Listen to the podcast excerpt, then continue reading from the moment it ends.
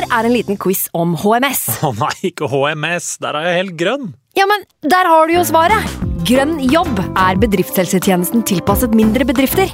Våre HMS-eksperter hjelper mer enn 8000 bedrifter over hele Norge med alt fra lovpålagte HMS-krav til pålegg fra Arbeidstilsynet.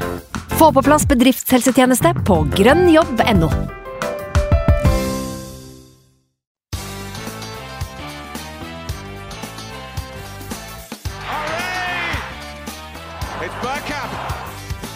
up for grabs now!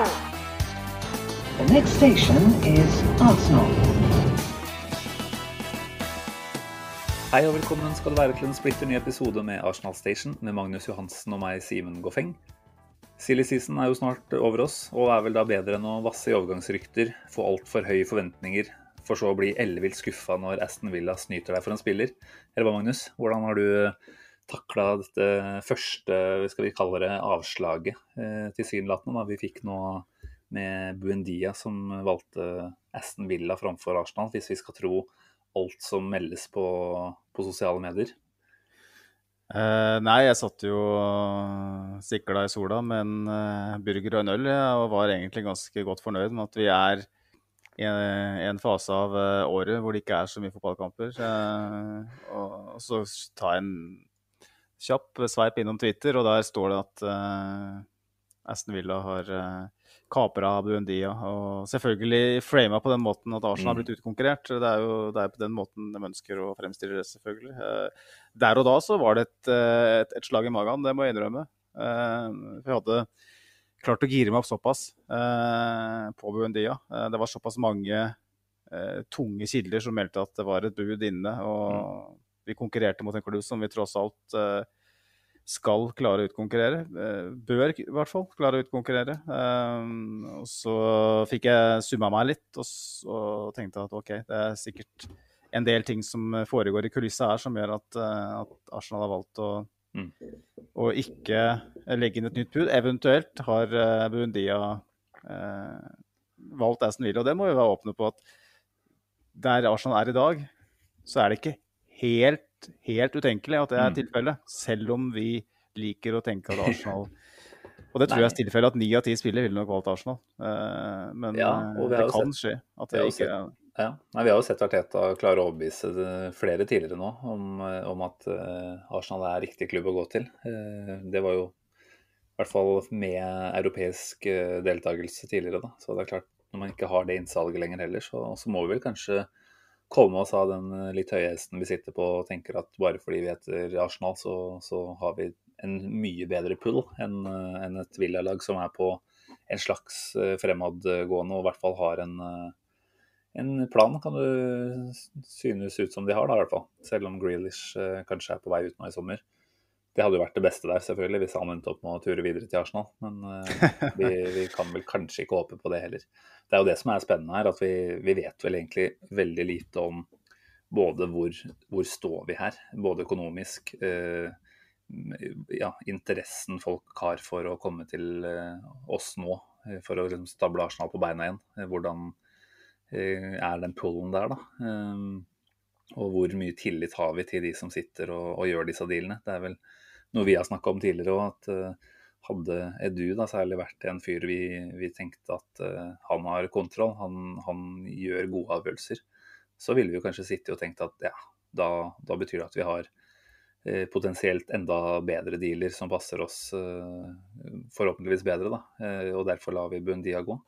Men med tanke på at du kanskje har til gode å overbevise, for å si det mildt, så, så er det vel lov å være både litt skuffa og litt grann bekymra når Buendia da uh, går til Villa. Da. Det var vel snakk om en 33-34 millioner uh, pund, og Arsenal har jo etter ryktene i hvert fall lagt inn et bud på ca. 30. Så, så er det klart hvis vi ender opp med å ikke strekke oss litt lenger, eh, hvis det er der det skorta, da, så er jo det også litt rart. Det er det. Og um, det er som du sier, den tilliten Eh, vi ikke har til eh, de som styrer klubben, eh, gjør jo at, at varsellampene begynner å, begynner å ringe, holdt jeg på å si. Mm. begynner å blinke, er vel det rette begrepet. Litt, ja. Det er noen bjeller og noen lamper som går av hos, hos flere av oss. Og det, det, er fordi at vi vi har, I frist i minne så har vi eh, overgangsdealer som eh, også har vært eh, bortimot skandaløse. Eh, og vi har en, en, sportsdirektør eller en teknisk direktør som vel er, er rett tittelen til EDU, som ikke har noe særlig track record. og Vi har ikke noe tyngde eller erfaring på den sida. Vi har gjort mye rart. og Hvis Arsenal brifer pressen om at uh, Buedia ikke var førstevalget, så har jeg ikke noen grunn til å, å, nødvendigvis stole på det. Men ønsketenkningen min, da, det er jo at, uh, og det jeg kanskje heller litt imot, er at Arsenal var veldig interessert i Bundea, og det, det, tror jeg vi nesten kan garantere at han var, for det, det var litt for mye røyk mm. uh, der. Uh, men uh, at de ønska å holde, holde, den dealen varm da, i løpet av sommeren og ha den som en backup-plan, fordi at man har et annet førstevalg som sannsynligvis er norsk og kommer fra Drammen. Mm. og fordi at Aston Villa da var på alerten og hadde Buendia som sitt ubestridte førstevalg, så så valgte vel sikkert Buendia da å, å, hoppe på det toget, i stedet for å vente på et tog som kanskje aldri går. Eh, og det, det, er jo forståelig. Og da er spørsmålet er det et, eh, et for høyt spill av Arsenal. Er mm. sannsynligheten for å få Ødegaard for Real Madrid nå såpass stor at det er, at det er lurt å la et potensielt andrevalg gå? da. Eh, jeg vet ikke jeg vet ikke hva du tenker, Simen, eh, om, om Ødegaard. da, eh, Hvis vi skal ta den. hvis vi skal hoppe over der også, Nei, jeg tenker ja. jo at den situasjonen fikk seg jo en ny eh, ja, nytt element, med tanke på at Zidane eh, takka for seg og Angelotti kom inn. Eh, det er jo kanskje ikke så mye som tyder på at Angelotti er en svoren Ødegaard-tilhenger, men man skal jo kanskje ikke ta noe særlig hensyn til hva han sa da Martin Tenten kom for en del år tilbake. Um, Petter Wæland sa det jo selv òg, at eh, han tror ikke dette her egentlig spiller noen rolle fra eller til for hvordan eh, Ødegårds framtid i eh, Real Madrid potensielt ser ut. Men, men, jeg tror at Ødegaard fortsatt uh, har til gode å bli overbevist om at han er en som blir satset på i Real Madrid. Og både med tanke på prestasjonen hans i Real Madrid i sist sesong, og i hvert fall store deler av Arsenal-oppholdet hans som ikke var fantastisk overbevisende, så, så skal vel han eh, vanskelig kunne kreve en skal vi si, garantert mengde spilletid eh, neste sesong. Så jeg må jo si at jeg har en god følelse på den dealen. Eh, det er klart det er det økonomiske som avgjør. Hvis man er på det høyeste tallet man har sett, som vel er 60 millioner, så, så er det vel ganske enkelt nei. Det har vi ikke råd til, eller kan vi ikke ta oss råd til. Mens eh, det har også vært snakka om 30-35 Eh, og da, da, tenker jeg at det kan være en kjempedeal å få på plass. Jeg tror Ødegaard fikk en, en god kjemi med Arteta, alt tyder jo på det. Eh, og at han også har en følelse nå at noen trenere evner å eh, kjenne han og hans styrker og svakheter eh, bedre enn andre. da. Og jeg tenker mm. at han nå ved å ha jobbet et jeg, jeg, tror ikke det er det som skjer de neste to-tre ukene som avgjør om Ødegaard kommer. altså Bortsett fra de rene forhandlingene eventuelt. da, Men jeg tror grunnlaget for eventuelt å overbevise han har blitt lagt, og det har vært lagt ganske godt det siste halvåret. Eh, særlig hvis Ødegaard også da ser at her, her, gjøres det andre signeringer som kanskje også gjør at man ser at eh, noen av de hullene som åpenbart har vært i, i klubben, kan tettes. da. Så, men ja, det er et sjansespill.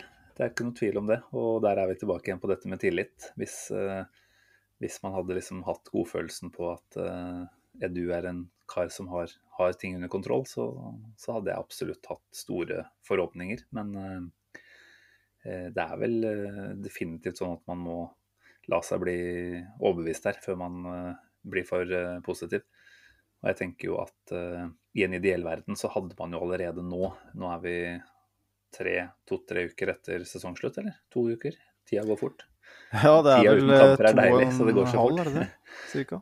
Men da, da, er det jo noen eksempler på at uh, klubber tidligere har gjort både én og to signeringer, og i hvert fall har en veldig klar plan uh, for, for, hvordan det skal bygges før neste sesong. Og det syns jeg er et viktig poeng. Fordi ja, det er et EM, og det er lett å bruke det som en unnskyldning for hvorfor man ikke får på plass en overgang. men og ja, det er en kanskje naiv eh, forenkling fra min side å si at da må man bare få gjort det tidligere.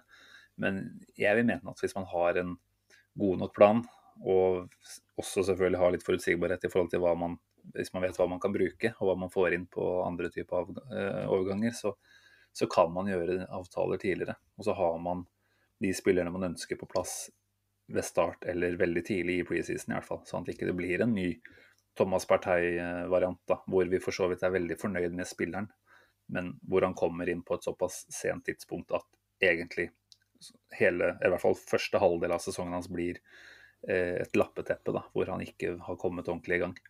Så, så, det er liksom Det er den helheten der da, hvor jeg kjenner at jeg er litt Jeg er veldig skeptisk til at du kommer til å ha kontroll, for det er, det er så store mengder med arbeid som skal gjøres her, da. Hvis vi skal, vi skal vel gjennom praten her bevege oss inn på både hvem som er på ut- og innlista. Eh, og det er jo en liste vondt som et langt hår. Og da, da tenker jeg at eh, for å i beste fall eh, nesten nærme seg slutten på den, så skulle man allerede vært i gang. da.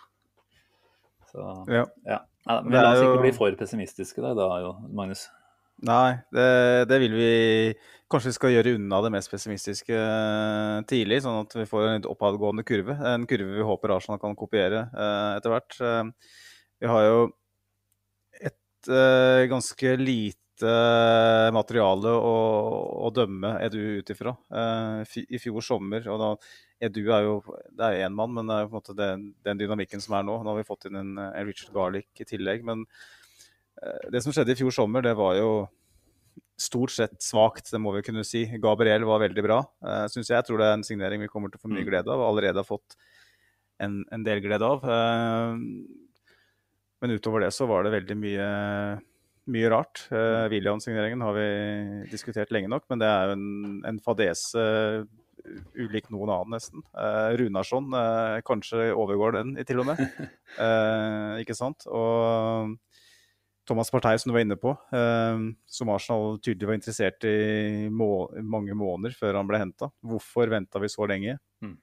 Hvis vi virkelig vet hva vi har lyst til å gjøre, som Arteta har vært så opptatt av å si hele tida, at, de har en så klar plan. det sa han i fjor òg. Uh, så hvorfor vente til deadline day, liksom? Det virker, virker, meningsløst når det er en utkjøpsklausul. Så har vi det januarvinduet, da, hvor det blir gjort en del ting som vi vel kan si var vellykka. selv om det er en liten flau smak i munnen når du begynner å betale kontraktene ut for spillere for bare for å kvitte deg med det, så var det en god jobb allikevel å, å, å få bort det dødkjøttet. og det som vel antas å være en negativ innflytelse innad i spillergruppa. Mm. Eh, og I tillegg så fikk de inn en Martin Ødegaard på, på lån, eh, som viste seg å være Selv om det ikke egentlig førte til all verden, så var det en, en god lånesignering. Kanskje den beste lånesigneringa utenom King, Kim Kjellstrøm, som skåra det straffesparket i semifinalen mot Wiggen. Så veldig, veldig bra. Um, kanskje har det blitt lagt et grunnlag for å, å hente den permanent. Uh, mm. Så, så, så, det er bra. Men uh, som vi har vært inne på litt tidligere i podkasten her, så uh, har vi fått noe nyss her og der om at uh, fra via via at Edu ikke nødvendigvis er den som jobber hardest. selv om han kanskje kan påstå det i intervjusammenheng. Så jeg er litt sånn grunnleggende skeptisk, men mannen må få en sjanse. Og den sjansen den er virkelig nå i sommervinduet her. Han er nødt til å levere. Arsenal er nødt til å levere. For hvis vi gjør et uh, dårlig vindu nå igjen, da vet jeg ikke uh, helt hvor vi havner.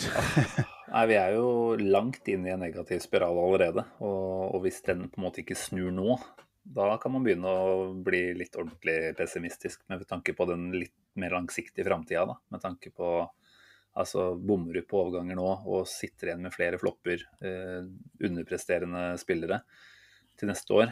Eh, det er klart da, ok, Vi sa vi skulle gjøre oss ferdig med det pessimistiske, så la oss gjøre det ordentlig.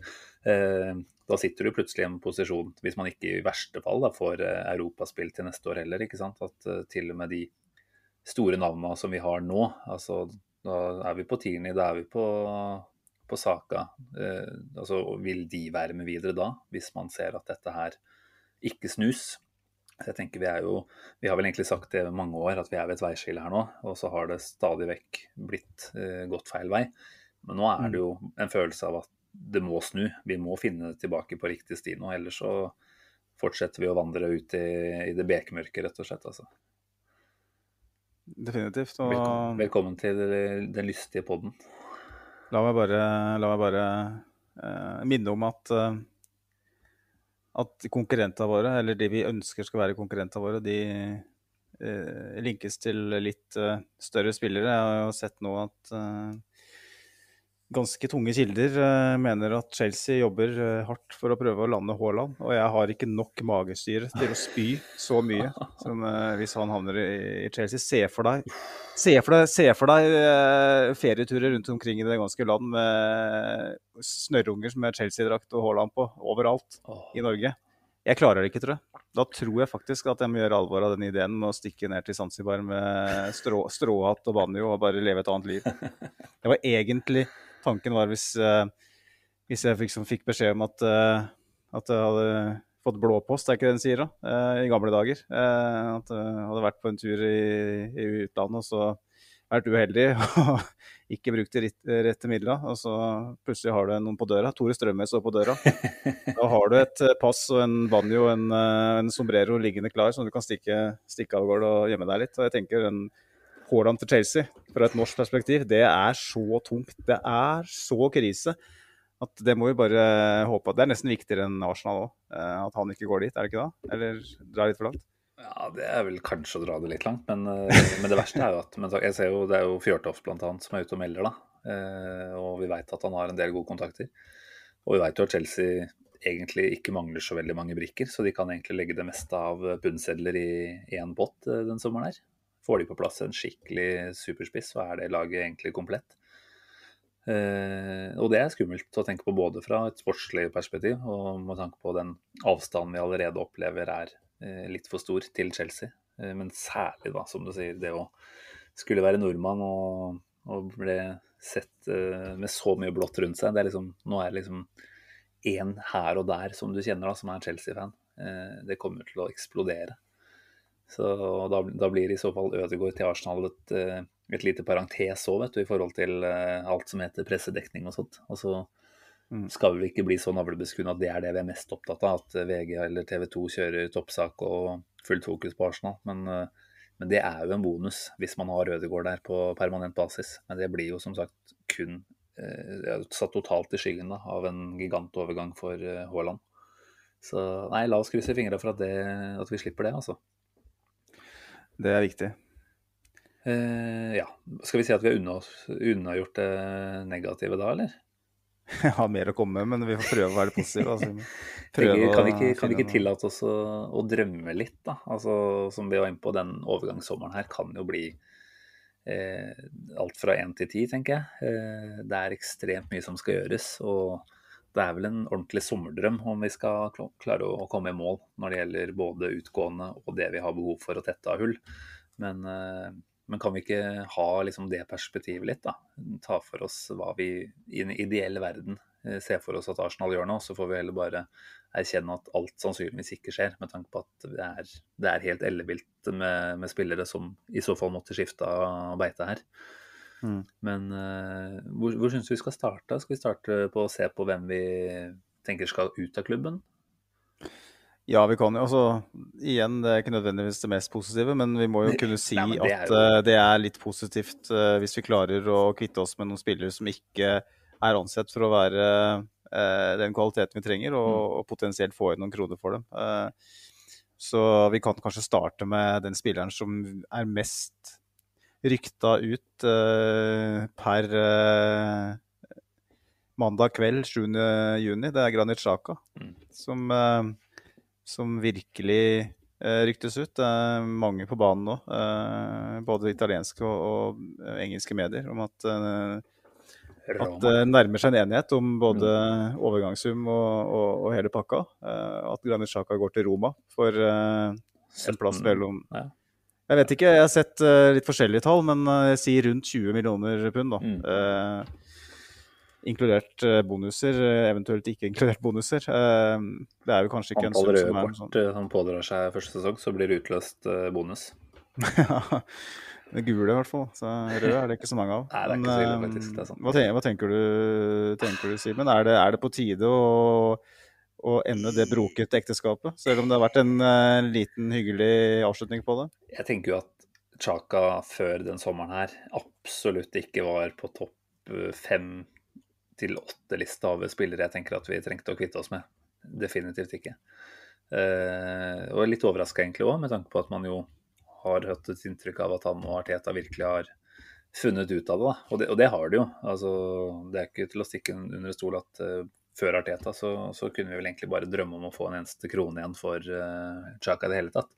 Så det at måte, han har blitt spilt uh, varm igjen og nå kan få en man kan få en OK overgangssum. Jeg syns kanskje at 20 millioner i utgangspunktet er litt tynt. Uh, han har to år igjen på kontrakten, uh, har egentlig vært fast i Arsenal.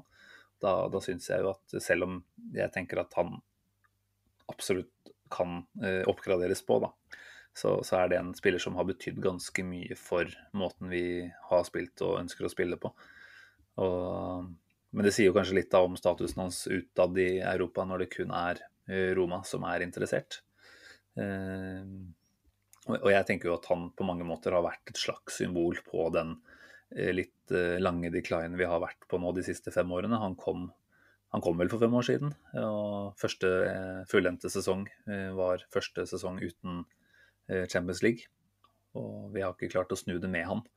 Så, så på mange måter tenker jeg vel at det er en, en, tid som er moden for å sende han videre. Eh, men det er klart det er, det er, så mye annet som skal gjøres òg, da. Og, og, hvis vi liksom kvitter oss med de andre midtbanespillerne vi også tenker skal av gårde, så sitter vi ikke igjen med veldig mange sentrale midtbanespillere. Så, så det er vel igjen den der følelsen av at vi starter litt i feil ende, kanskje, da, hvis vi kvitter oss med Chaka. Og, mm. og det, det, er noe med timinga her òg. Altså, det, det, blir jo helt åpenbart for alle klubber vi forhandler med, at vi trenger midtbanespillere. Eh, jeg tror ikke det legger noen demper på de prislappene som blir eh, servert til du eh, på andre, andre overganger. Da. Og det, det er noe med å ha, ha, kontroll på tingenes tilstand som jeg kanskje føler at vi ikke har helt, hvis det er her vi liksom gjør vår første overgang den sommeren her. da. Eh, men ja, jeg tenker det er en OK eh, exit isolert sett. Bare at eh, det var, det var litt rart at, at, det var han vi skulle shippe ut først, da, hvis det blir sånn. Ja, jeg vet ikke om, om det handler litt om at Sjaka selv ønsker seg bort. Det er jo det det spekuleres litt i, da, men det er vanskelig. Og jeg vil jo tro at hvis Sjaka hadde hatt et brennende ønske om å bli i Arsenal, så tror jeg ikke det, det hadde vært mot Arteta. Eh, men han er, eh, blir vel 28 nå, gjør han ikke det? Og eh, kontrakt, han to år igjen av kontrakta. Så vil si at jeg tror det. neste sommer så, så er allerede verdien hans mm. noe lavere. Eh, både pga. kontraktstengden og, og, alder. Eh, hvis vi får tak i en som er noen år yngre, eh, som kanskje har noen av de kvalitetene som Sjaka åpenbart mangler, eh, så tenker jeg at det er greit. Men spørsmålet er jo får vi tak i den spilleren. For det som har vært så bra med Sjaka denne sesongen her, og for så vidt det er jo en ting som har vært bra med Sjaka hele veien, men spesielt nå hvor han har blitt en bærebjelke, det er jo det at han er jo aldri skada. Han er jo alltid tilgjengelig. Han, er villig til å spille omtrent overalt på banen. Og han, han har jo beviselig blitt en eh, premissleverandør for Ariteta og har eh, og du ser veldig godt når han ikke spiller. Mm. Eh, det å fjerne både han og David Louis da, i, i, frispillingsfasen, da gjør det at da må du bygge veldig mye nytt. Mm. Eh, det vil ta tid å, å, sette et nytt lag uten Sjaka, uten Louis.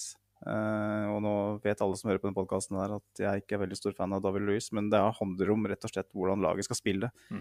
Skal vi spille oss bakfra på den måten, så uh, så blir det spennende å se hvordan man løser det. Thomas Partey har på en måte ikke eid den midtbanen der i det hele tatt. For det, det handler vel, vel, så mye om at han ikke har vært tilgjengelig. Men eh, hvis Sjaka faktisk skal ut, så må det komme inn en som kan eh, rett og slett komme inn umiddelbart og ta mm. litt tak. Og da, da gir det kanskje litt mening med den Ruben Neves-linken, mm. som har mm. spilt i Premier League nå i, i tre sesonger. Ja, jeg tenker vi kan jo gå nærmere inn på de inn. Eller kanskje det er naturlig å bare ta det sånn underveis, som vi gjør nå. Med, med hvem som eventuelt kan komme inn og erstatte. Eh, mm. Det er vel 35 mill. som det er snakka om at vi eventuelt skal måtte ut med for Ruben Neves. Og som du sier, så vil jo der få en, en spiller som byr på mye av det samme som Chaka. Eh, Dyptliggende playmaker. Eh, du hevda her før sending at eh, defensive tallene hans er ganske gode. Eh, og det er klart at eh, ja, han går vel for å være en, en treig eh, skute å, å snu, han også. Men, eh, men da får du i hvert fall mye av det samme, da. Og du får en som også er fire år yngre.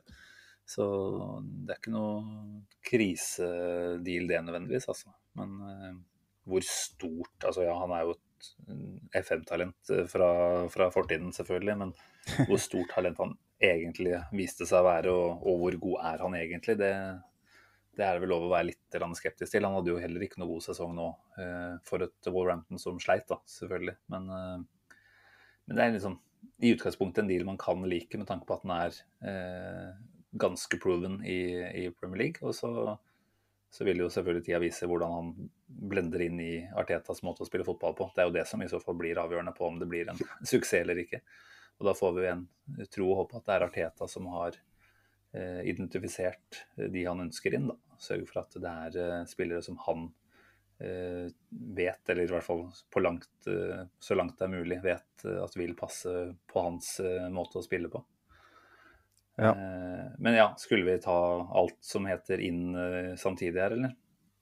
Vi kan godt uh, gjøre det.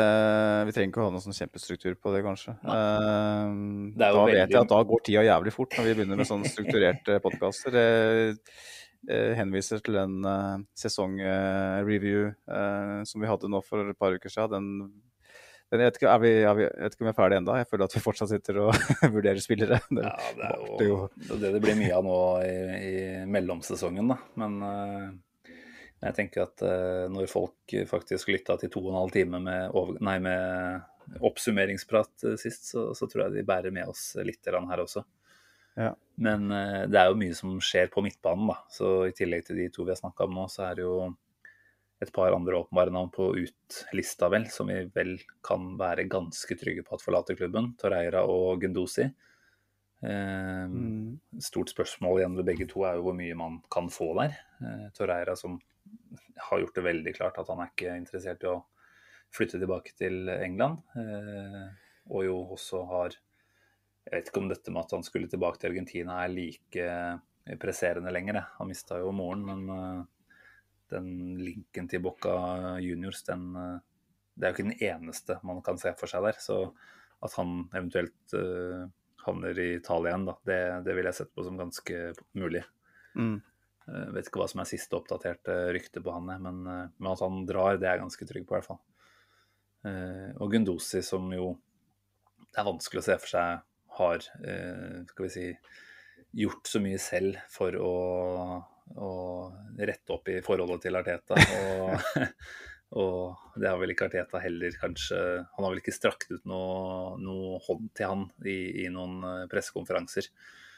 Eh, Jeg har ikke sett Jeg vet ikke om det har vært oppe som tema engang, men du har i hvert fall noen eksempler på at han har sagt om Willoch og om Saliba at de, de skal komme tilbake og de skal eh, vise seg fram i preseason før man eh, finner ut hva man gjør. Jeg har vel ikke sett det har vært noen sånne type uttalelser rundt Gundosi, så vi må vel også anta at han turer ut. Jeg vet ikke om noen har spurt noe om det heller, men uh, for det, både Saliba og Willoch har vært veldig hete temaer i pressekonferanser. Eh, men Gendosi, egentlig i motsetning til Torreira, til Torreira, så er det en ganske formidabel link til Marseille da, for, Mm, mm. for Gendosi. Noe vi vel òg var innom i den podden vi hadde med Paul Thomas Clay her eh, i forrige episode. At, eh, den, den linken har jo ikke blitt noe mindre. Det virker jo som åpenbart at Marseille er interessert, men de har vel ikke nødvendigvis lagt alt for verden som penger på bordet ennå. Så det er en forandringsprosess. Mm. Og jeg tenker jo det er sikkert et godt steg for Gendosi, og noe alle parter kan, kan tjene på. Eh, Mm. Forholdet mellom eh, ganske fin match, egentlig. altså. Mm, så jeg, jeg, tror ikke, jeg tror ikke det forholdet mellom Gendosi og Arteta lar seg reparere. Og jeg tenker at eh, han passer heller kanskje ikke så veldig godt inn i Han er liksom kaospilot, eh, Gendosi, og det, er- det er ikke det vi trenger nå. Eh, når det gjelder Torreira, så er jeg litt mer usikker på om vi klarer å selge den for noe særlig med penger. Eh, jeg er redd det kan bli et nytt lån, eh, kanskje. Men Det er to år igjen på han eller er det ikke det? Så det er jo i så fall veldig kjipt å måtte låne ut en sesong til. Ja, det er det selvfølgelig, men uh, uh, kanskje et lån med opsjon eller obligasjon, jeg vet ikke. Uh, jeg er ganske litt skeptisk til den uh, Torreira-greia. Altså. jeg, tror, jeg ser på at han er ganske spesifikk i hva han ønsker. og Serie A-klubba er kjent for å de har vel ikke all verdens med kapital, og Boca Juniors er ikke i nærheten av å kunne betale lønna. Nei, det ville jo blitt lite, lite, penger å hente der, ja. Uh, så da, det, er ikke, det, er ikke, noe særlig å hente på Torreira, tror jeg. Der må vi nok kanskje innse at vi har uh, er, tapt mye. Ja, ja. ja vi henta han jo for hva var det? 25 eller noe? Ja, rundt der. Og med den starten han hadde, så husker jeg at det var snakk om at han allerede hadde liksom dobla seg i verdi omtrent. Uh, han er ikke han, ja, Hvis vi får betal, altså et sted mellom 10 og 15 millioner for han av en klubb, så tenker jeg vel det er det beste vi kunne håpe på. Uh, han går jo ut i 23, uh, kontrakten hans, da, så jeg tenker at vi skal pushe den båten ganske langt ut for å få, få, solgt han, eller i hvert fall fått en slags garanti for at vi får en god, uh, eller i hvert fall ålreit pengesum for han neste sommer. Så vi får se. Han har jo ikke spilt seg opp så veldig mye verdi og omtale etter det året i Atletico heller. Dessverre. Nei, det er vanskelig selvfølgelig når du går inn i en, en klubb som kjemper om, om ligatitler og eh, såpass, eh, er såpass godt forspent, mm. eh, tross eh, at vi fikk Partey. Så eh, jeg tror eh, jeg tror Torreira, Det er liksom det som er litt frustrerende. for jeg tenker at en Torreira som et alternativ i troppen kanskje ikke hadde vært så dumt. han har liksom frekvensen i beina, og han er en mm. ballvinner. og Eh, det var et eller annet som gikk skeis der. Eh, jeg vet ikke helt hva det er. Jeg kan ikke helt sette fingeren på det. Det var igjen den der klassiske Arsenal-greia med å bruke defensiv midtbanespillere som jagende tiere. Men uh, han har, har, jo noe ved seg, Tor Eira, så mm. jeg tenker jo at hvis Elneni kan komme tilbake og, og være en nyttig spiller, så, så vil jeg kanskje ikke ha utelukka det med Torreira, men jeg tror kanskje ikke Torreira selv er er innstilt på det. Der jeg føler at det skorter, da. At han har en lengsel tilbake til litt sydligere strøk. Han trivdes vel rett og slett ikke noe særlig i London. Så, så hvis ikke Altså, det er klart den søramerikanske slash spanske, kontingenten, den er jo absolutt til stede i Arsenal. Så det er ikke umulig at han kunne ha funnet, uh, funnet litt uh, røtter her, da. Men, uh, men sånn som det ser ut nå, så er ikke det noe å satse på, tror jeg. Eh, men du, jeg tenker jo vi har jo fått masse innspill på Twitter. Vi var ute og hørte hva folk eh, hadde som sine prioriterte inn- og utoverganger. Det er vel egentlig dumt å ikke gå litt gjennom de også her nå, mens vi prater om, om de vi skal uh, gjennom. Mm. Uh, det er jo noen navn som går igjen, da. Kan du starte med hvem folk uh, først og fremst vil kvitte seg med, siden det var der vi var i gang. Eh, Morten Kleven eh, ønsker William Behrin og Enketia ut. Håkon Førisdal har lista opp enda flere, selv om vi bare spurte om tre. William Kolasinac, Enketia Behrin, Chaka Lacassette. Eh, Sebastian Ask nevner Enketia, Behrin, Willoch og William. Stian Børling nevner også Enketia, Behrin og William. Mens skal vi se, hvem var vi hadde med et par til her? Thomas Leirdal har også William, ikke overraskende, med. Enketia og Beirin. Mens uh, Arctic Gunnerpod, aka Nå er det du som hjelper meg med navnet her. Andreas. Andreas uh, han vil kvitte seg med William for at any price. El Neni og Cedric. Uh, og det er, vel, det er, vel, ikke noe tvil om at noen av disse her ikke befinner seg i Arsenal neste sesong, selv om det, det kanskje er sånn at man ikke nødvendigvis blir kvitt alle. Nei, det, det, tror jeg er urealistisk. Uh, vi må jo ha et lag, og det tar uh, I Arsenal-stil så tar det litt tid å få gjennomført overganger. Så uh, jeg tror nok mange av de her er i Arsenal når vi skriver uh, 1.9., eller når vinduet stenger. La oss ta en Ketia, da, for å starte med han. han har blitt linka til Brighton, Leeds. er vel en fyr som helt åpenbart ikke nå blir prioritert av uh, Arteta eller klubben, med tanke på at man har gitt uh, kontrakt i Ballogen også. Uh, så den, den, ser jeg jo på som ganske gjennomførbar. engelsk unggutt. Det bør være muligheter for å selge han for et sted mellom 15 og 25, kanskje. Jeg, jeg, tror han går, i hvert fall. Ja. Uh, Nketia er det nok et marked for, som du sier. Han er uh, hjemme, egenprodusert uh, ung engelskmann, toppskårer i U21-sammenheng gjennom tidene for, for, England. og i det rette laget, rette systemet, mm. så kommer han til å skåre. jeg er usikker om det er Premier League, men de klubba som ligger i toppsjiktet i Championship, har penger, dem òg. Så der tror jeg vi nok får, får igjen litt, iallfall. Mm.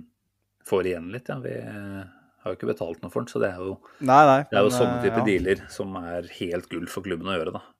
Plukke opp eh, Det var vel fra Chelsea, hvor han ble rejecta, og så blitt eh, Det har jo blitt noen opptredener, opptredener på han, men eh, han har liksom aldri slått igjennom på noen måte, verken i ligaen eller i Europa. Så, så jeg syns jo at det er Altså et salg på rundt 20 der, da har vi gjort en god, god deal, da. Det er jo, kjempe, det, det er jo sånn Arsenal må drive. Uh, det er jo ikke slik at alle unggutter som, uh, som slår igjennom uh, i, i gåseøyne, uh, passer inn i Arsenal. vi har Joe Willoch ikke sant, også, som er mm. en spiller som har prestert enormt i Newcastle nå i, i våres. Men skulle vi da selge han for store penger? skulle vi selge Beirin da, for store penger? Ja, jeg tror ikke vi får store penger der, men det er rett. Nei, men også si 15 millioner pund for en, en fotballspiller som du har eh, henta så å si gratis og mm. betalt utviklingskompensasjon for, så er det jo ren profitt. Mm. Og det er jo en meget og så da har, du, da har du fått det beste åra ut av en spiller, og i tillegg så selger du for uh, kjempeprofitt. Så er jo det god business. Det er et sånn business Arsenal i større grad må, må drive. Mm. Uh, for vi er nødt til å ta inn noen penger, og vi kan ikke bare kaste ut penger på spillere som ikke funker, og så uh, Nei, det er så sjukt. Var, var, kanskje ferdig med negative nå, men uh, jeg tenker jo at det er jo positivt hvis vi får igjen uh, litt penger for Eller får, får, penger da, for en, en mm. Eddie Nketia. Absolutt. Um, andre her som ble nevnt hyppig, det er jo Behrin. Da. Det er vel mye som tyder på at han også er aktuell for en overgang ut, selv om jeg Altså, det har vært linker til Juventus, hvor, hvor, Ramsey har vært nevnt som en, uh, en mulig spiller å, å, få i retur. Jeg tror kanskje ikke, selv om det hadde vært veldig hyggelig med Arsenal-hjertet, så tror jeg vel ikke det er en avtale jeg håper på, altså. Uh, men, men for Behrin å ja, finne et marked for han, det burde jo ikke være umulig. Men uh, det er kanskje ikke den Det er ikke en sånn følelse av at han helt 100% kommer til å forlate klubben heller, da. Nei, men det er klart Hvis vi ikke selger den i sommer, så, så føler jeg jo at Ariteta er en situasjon hvor, hvor han kanskje ikke kan kjøpe en, en ny høyreback, og, og, mm. er tvunget til å bruke den litt, rett og slett. Fordi at eh, vi kan ikke ha en, eh, en så hva skal jeg si, ja, en stor personlighet og en som har såpass med verdi tross alt fortsatt, eh, på reservelaget heller, eller bare på benken. Da må han benyttes en del. Så det er viktig tror jeg, for å få solgt Per nå i sommer. for Hvis han er åpenbart ikke skal være førstevalget, så, og vi ikke er, har Europaliga eller noe som helst sånn, så, så, kommer han bare til å sitte og tappe, tappe seg for verdi mm. gjennom hele sesongen. Så da tenker jeg at eh, hvis det kommer inn et, et skambud, så, så, må man sterkt vurdere eh, å, å selge det. For det, ja den PSG- og Juventus-historien som eh, verserte i fjor sommer, den virker å ha fordufta helt. Der er det jo, I PSG er det snakk om Hakimi til 800 mil, liksom. Ja, ikke sant? Så Beirin han er ikke i nærheten av noe sånt per nå. Så eh, Betis er jo nevnt, da. Eh, faren hans er vel Real Betis-supporter, mm. og han har vel da sånn sett litt forhold til klubben. Men, og Emerson Royal, som ja, spilte der for lån fra Barca i sesongen som har gått, eh, er tilbake i Barca. Så det lukter jo ikke store penger inn eh, hvis den går til Betis, men da hadde det kanskje vært aktuelt med en, eh, en byttehandel med Nabil Fikir, da kanskje? Ja, ja. Jeg er redd, jeg er redd for at, at, at, noe sånt kan skje. Ja, jeg, har sagt, jeg, har vel sagt, i tidligere episode at også en Nabil Fikir er vel ikke mannen man nødvendigvis bør sette pengene sine på. Det er jo et navn som har vært linka til oss i alle år, føler du. Men uh, har vel uh, jeg, jeg, tror ikke det er så aktuelt i, i sommer, altså. Men ok, når vi snakker om høyrebekker, da, da kan vi jo ta for oss noen av de som vi er linka til hyppigst uh, på innfronten også. Arons, Max Arons, han kommer jo også opp flere ganger blant, blant lytterne som har satt inn sin prioriterte rekkefølge på, på hvem vi burde hente. Rykka opp med Norwich nå. Blir vel ikke noe kjempebillig kar, han heller, hvis den skulle komme. Engelskmann selvfølgelig, og U21-spiller. Mm. Er, det, er, det, det som er drømmen på høyrebekk i så fall, eller? Jeg håper, jeg, jeg, håper, ikke Aston Villa er interessert òg, men, eh, men, eh, nei. Eh, han som vel er sportsdirektør i, i, Norwich, har jo vært ute og sagt at både Aarons, Buendia og Cantwell neppe går for under 300 mil.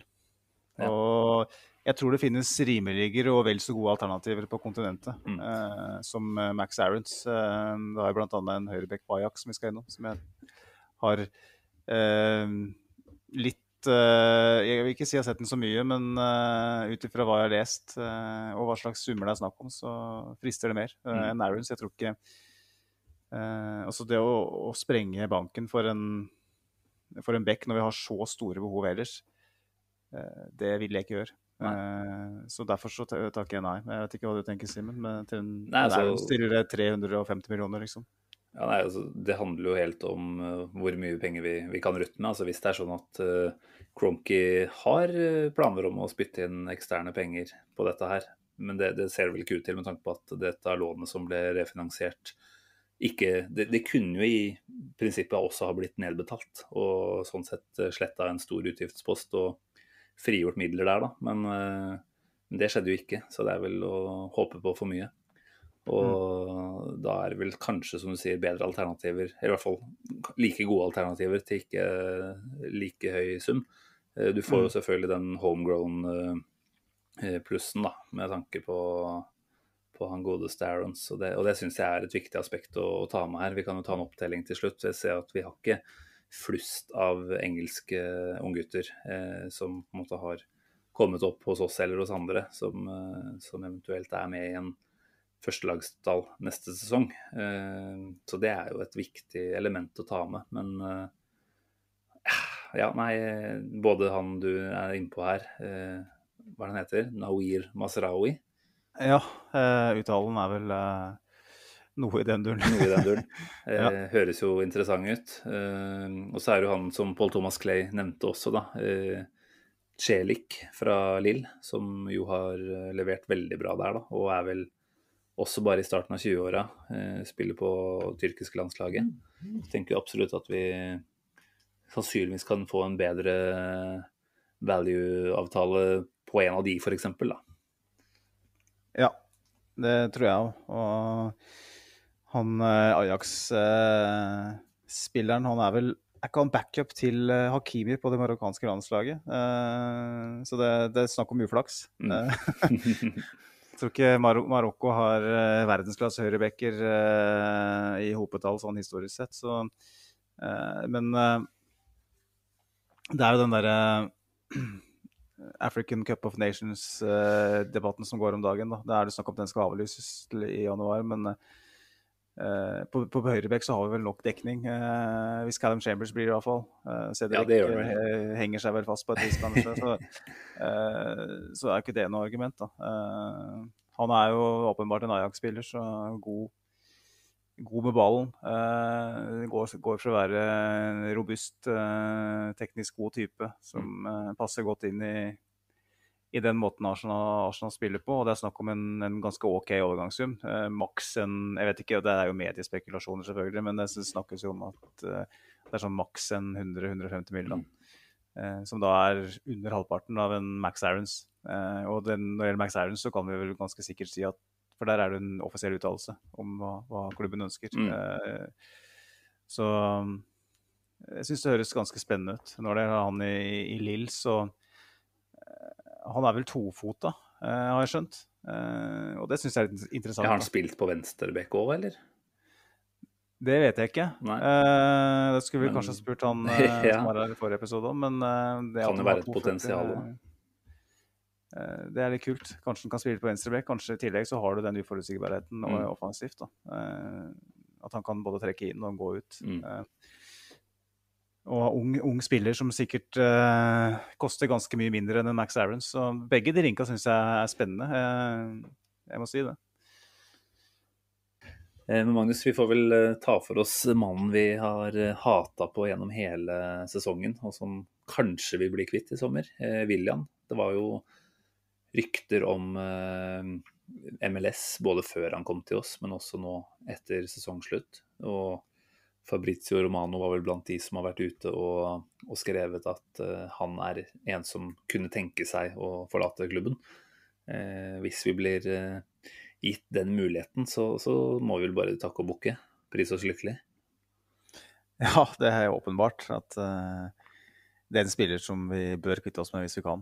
Han bidro med null og niks, selv om noen tall er snille menn. Så det er en spiller som rett og slett eh, ikke har noe å bidra med. Eh, og hvis han er villig til å forlate Arsenal, det handler litt om det. Han har to år igjen av kontrakten, en kontrakt han eh, var veldig fornøyd med å få, Mm. eh, som var på tre år eh, når, når han fikk den. Eh, det virka ganske usannsynlig at vi skulle klare å kvitte oss med, med og vi er kanskje litt brent av at vi har hatt noen, i hvert fall én spiller på, på, lang, på en lang, lang og dyr kontrakt som ikke lot seg affektere av å bli droppa fra både kamptropp og det andre. Men hvis William har lyst til å være med og spille i VM eh, neste år, ikke at jeg tror det er noe særlig sjanse for det, men eh, hvis han har såpass høye tanker som seg sjøl, så, så må han jo, må han jo komme seg videre. Mm. Eh, og jeg, jeg tror vel at selv Arteta, som har jobba så hardt for å få den inn i laget, eh, innser nå at, eh, at det ikke kommer til å skje. Så eh, hvis han skal bli i Arsenal, så blir det jo en parodi på et vis. Mm. Eh, så det er jo, jeg forstår jo hvis han ønsker seg bort òg, og da Ja, bestekompisen eh, Louise eh, drar jo, ikke sant. Og da det er vel en mulighet for at det, det er enda en god grunn for William til å ikke, ikke bli værende, da. Mm. Så hvor skal David Louise? Dit drar William også, tenker jeg. blir sånn Maxwell-Zlatan-greie. Selv om kvalitetsforskjellen ikke er like stor. Nei, vi får, vi får se. Men det er klart, eh, det er jo ikke helt urealistisk at det er en type deal hvor vi ender opp med altså Enten så, så gir vi bort gratis, sånn at uh, neste klubb kan ta over lønna, eller så er det en fyr vi må låne ut og, og betale en slags uh, prosent av, av lønna på videre, da. Det, jeg tror å få, få noe penger igjen der, det ville vært tidenes deal, faktisk. God business. Skal spise krøllene hans hvis, hvis vi får penger for den. Eh, ja, nei, Vi får se hva det blir der. Men eh, nei, det er mange på denne lista over, over utespillere, Magnus. Det er vel kanskje ikke alle vi trenger å bevege oss innom, men, eh, men eh, en som det jo kanskje er et eh, litt stort spørsmålstegn rundt fortsatt i dag, da, det er jo Bernt Leno, som har meldt at han var kanskje klar for litt andre oppgaver. og har vært tilsynelatende ganske eh, lite avvisende, i hvert fall, til å kunne bytte klubb i sommer. Og i forbindelse med den situasjonen så har jo også da André Onana fra Ajax vært et eh, hyppig linka navn de siste dagene og ukene. Eh, du kan jo bare ta kjapt om hva status er der, og, og litt om den eh, bakenforliggende situasjonen til Onana, som gjør at den dealen er litt sånn oppe i det blå fortsatt. Nei, han tok vel en Colo Toré da, og spiste noen piller som tilhørte kona. Det var vel noe i forbindelse med gravi graviditet, var det ikke det? Jo. Som han hadde tatt feil boks. Eh, Vi, jo, jo- vi som er norske, vi, vi har jo ja, hvis du stolte mange- på Therese Johaug, så stoler du på dette òg. Du gjør jo det. Eh, Det er jo det spørsmålet i hvor- hvilken grad det kan være prestasjonsfremmende, ikke sant. Og, men uansett, da. Det, Det, det var jo ikke et prestasjonsfremmende preparat, men det er et preparat som potensielt kan dekke over prestasjonsfremmende preparat. Så, nettopp. så det er jo på en måte Det er jo ikke en, en fæl sak i utgangspunktet, da vil jeg si. Nei, det virker jo ikke sånn. Eh, og nå har det vel vært en høring denne uka her. Eh, eller forrige uke, var det vel. Mm. Og hvor det da for så vidt handler om, om den eh, dommen på tolv måneder, eh, som vel han starta sona i januar i 2021, altså i år, skal eh, opprettholdes. Eller om den skal eh, fjernes eller forkortes. Mm. Eh, og det spekuleres selvfølgelig hardt og lenge. Eh, det snakkes om at den kanskje kan, fall kan forkortes litt. da. Men det er lite sannsynlig at, at Onana er spilleklar i august. da. Eh, så hvis eh, Arsenal eh, faktisk henter han, så er det jo eh, en litt tricky situasjon på hva gjør vi fram til han er spilleklar. Mm. Da vil jo ikke han ha spilt fotball eller trent med, med laget eller noen ting. Hvis han sier han blir klar i november, da, så vil ikke han ha verken trent eller spilt altså trent på treningsfeltet eller spilt eh, kamper på Nei, for det er jo et viktig poeng. mange, mange måneder. Er Så han trenger han jo ti år på å komme seg, så da er han sikkert ikke Kanskje tidlig spilleklar på nyåret, da. Mm. Ja. og da, da skal, også er Matt Ryan, da, hvis han kommer tilbake, uh, som det spekuleres i, eh, er han så god at vi, han kan være førstevalget vårt fram til eh, nyttår? Runarsson vil jeg tro ikke er et alternativ sånn sett. Så det er en tricky situasjon. For det er klart hvis Bernt Leno ender opp med å bli, og Arsenal henter noen annen, så er det veldig åpenbart hva som er planen. Mm. Og da blir jo Det vil jo ikke Bernt Leno være happy med. Og Men akkurat det kjenner jeg at jeg ikke bryr meg så veldig om, jeg nå. Altså Med tanke på den situasjonen han var i for en, en sommer siden, hvor han ble gitt eh, full tillit eh, på tross av at eh, Martinez hadde, hadde den sesongen han hadde, da. Kjenner at sympatien min for en Leno nå da er ganske liten. Så hvis han da i verste, altså Det hadde jeg egentlig likt fra Arsenals side, hvis de hadde vært så knallharde her og sagt at vi, vi selger deg ikke, for vi får ikke ny førstekeeper på plass før i januar, i, sannsynligvis, da, eller i beste fall. Um, så du blir her. Um, og han blir andrekeeper slash tredjekeeper. Uh, eventuelt at han får lov til å gå i januar, da. Eh, som jo også kunne vært et alternativ. Så jeg tenker hvis vi skal se fra klubben sitt ståsted, så, så tror jeg nok å ha Matt Ryan som førstekeeper en halv sesong ikke er ideelt, åpenbart. Selv om han gjorde en OK figur, så frykter jeg vel litt at han kan bli avslørt hvis han blir satt i, i fokus eh, såpass mye av tida, da. Og det er klart den første keeperrollen han da vil inneha, skaper jo ekstra press i seg selv. Eh, om den bare er for noen måneder. Så det er vanskelig å kanskje se noen helt ideell situasjon her. altså Annet enn at eh, Onana får totalt fjerna den, eh, den straffen. Men det var vel til og med representanten hans ut og sa at det forventa de ikke. Det beste de håpa på var en forkortelse. Men eh, når det er sagt, da, Simen, så Onana det er en keeper jeg, jeg tror kunne ha passa godt inn i Arsenal. Eh, jeg skal ikke påstå å ha sett den så veldig mye, men eh, han er jo enormt bra med føttene. Ja, det er vel Og hovedinntrykket jeg sitter med. Vi mista jo dessverre veldig mye ved å, å velge Leno foran Martinez, i den grad det var et valg vi gjorde Uh, i den fasen. Og jeg føler vi har uh, Selv om Leno er en helt OK uh, spiller, i, en keeper i, i frispillingsfasen, så, så mangler han ganske mye på de beste. Mm. Eh, Onana er blant de beste. Og han har tatt store steg i, i de andre delene av keeperspillet sitt, eh, sier de som følger nederlandsk fotball. Og jeg har fått et veldig godt inntrykk av han i, i Champions League og Europaligaen. Så det er en keeper. Og så jeg tror Arsenal Skal vi spille på den måten vi gjør nå, så, så så Sånn ideelt sett så holder ikke Leno i den, i Nei, den fasen. han det kan vel tyde på det nå. Så, så det å liksom faktisk ta et valg der om å bevege seg videre fra han, er jo for så vidt en, en del av det å være litt uh, rootless, da, som Arteta har sagt. Det er jo i utgangspunktet en avtale vi absolutt heller ikke har på prioriteringslista særlig høyt. Men, uh, men, uh, men han er kanskje grunnleggende litt feil da, for uh, måten Arteta ønsker at her skal se ut. Og Onana føler man liksom har vært med kjempelenge. Han er jo bare 25 år. Eh, han har jo ti år han potensielt foran seg i, i Arsenal, tror jeg, hvis han, eh, hvis han eh, kommer over. Og eh, Mm. Stor er nå. 1,9 er han vel. 1,90 på strømplesten.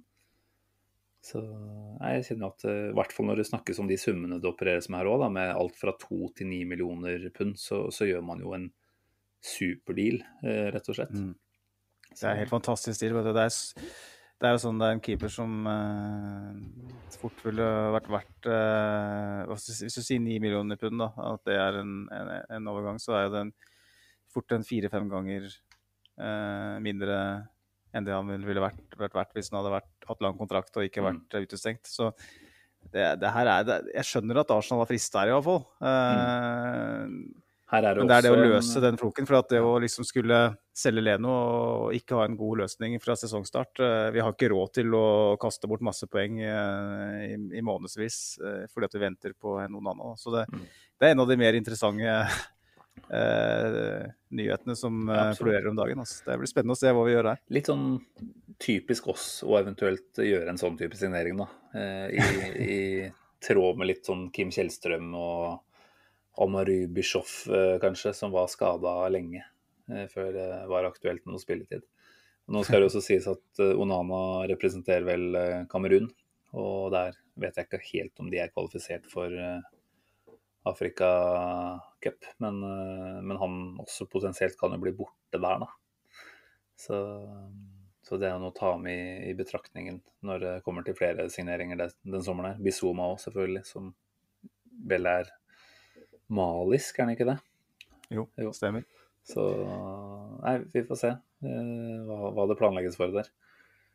Det var en fin eh, Segway, eh, det, Simen, til, til Bizuma, kanskje. For han glemte vi i den midtbanedebatten Ja, vi tok den jo ikke med deg. Jeg føler vi har snakka litt om den tidligere, kanskje. Men, eh, men han har jo vært en, en mention her i dag, og med tanke på at han har vært relativt høyt på, på ryktebørsen. Nå har vel, hvis vi igjen skal sitere Fabrizio Romano, så er det vel sagt at Bizoma kunne vært interessert. Eh, både Arsenal og Liverpool blant annet har han jo på lista si, men ifølge Romano så er det andre som står høyere på Arsenal sin eh, prioriteringsliste. da. Eh, Ja, det er jo spennende å se hvem det er. Kanskje det er Ruben Neves, da. Men Mm. eh, jeg har vel sjelden sett en spiller som uh, kommer med så tydelige hint som det Bizuma gjør. Han er vel to Instagram-bilder nå hvor han har uh, Arsenal-drakt i, i bakgrunnen. Og det tenker jeg at han står der og poserer. Han har tydeligvis Mm. stått på badet i en halvtime og styla seg. og ja, Det ser ryddig og fint ut ellers, og så ligger det liksom henslengt en Arsenal-drakt her og der. Eh, det er ikke Altså, det, det, det, det betyr ikke at han blir Arsenal-spiller. Også Sergio Riero var jo så Arsenal-supporter som det er mulig å bli, og sammen med Sissoko, begge endte opp i Tottenham, så det vet du aldri. Men eh, det er tydelig at Bizoma har et, uh, en liten softspot for, for Arsenal. Eh, og sånn sett så Det å tilfeldigvis glemme at det ligger Arsenal i bakgrunnen sånn, eh, to ganger, eh, forteller iallfall meg at eh, at hvis Arsenal virkelig ønsker å, å hente den, så er det en deal som er mulig å gjøre. Så, og det som du sier, da. Uh, at det jobbes kanskje med noe annet uh, i forkant. Men jeg må si det, Simen, at uh, Bizuma det, det er en sånn spillertype jeg føler vi trenger. da. Enig. Helt En enig. som har veldig høy frekvens i beina, gode ball, ekstrem ballvinner, i tillegg ganske trygg med ballen, god pasningsfot. Mm.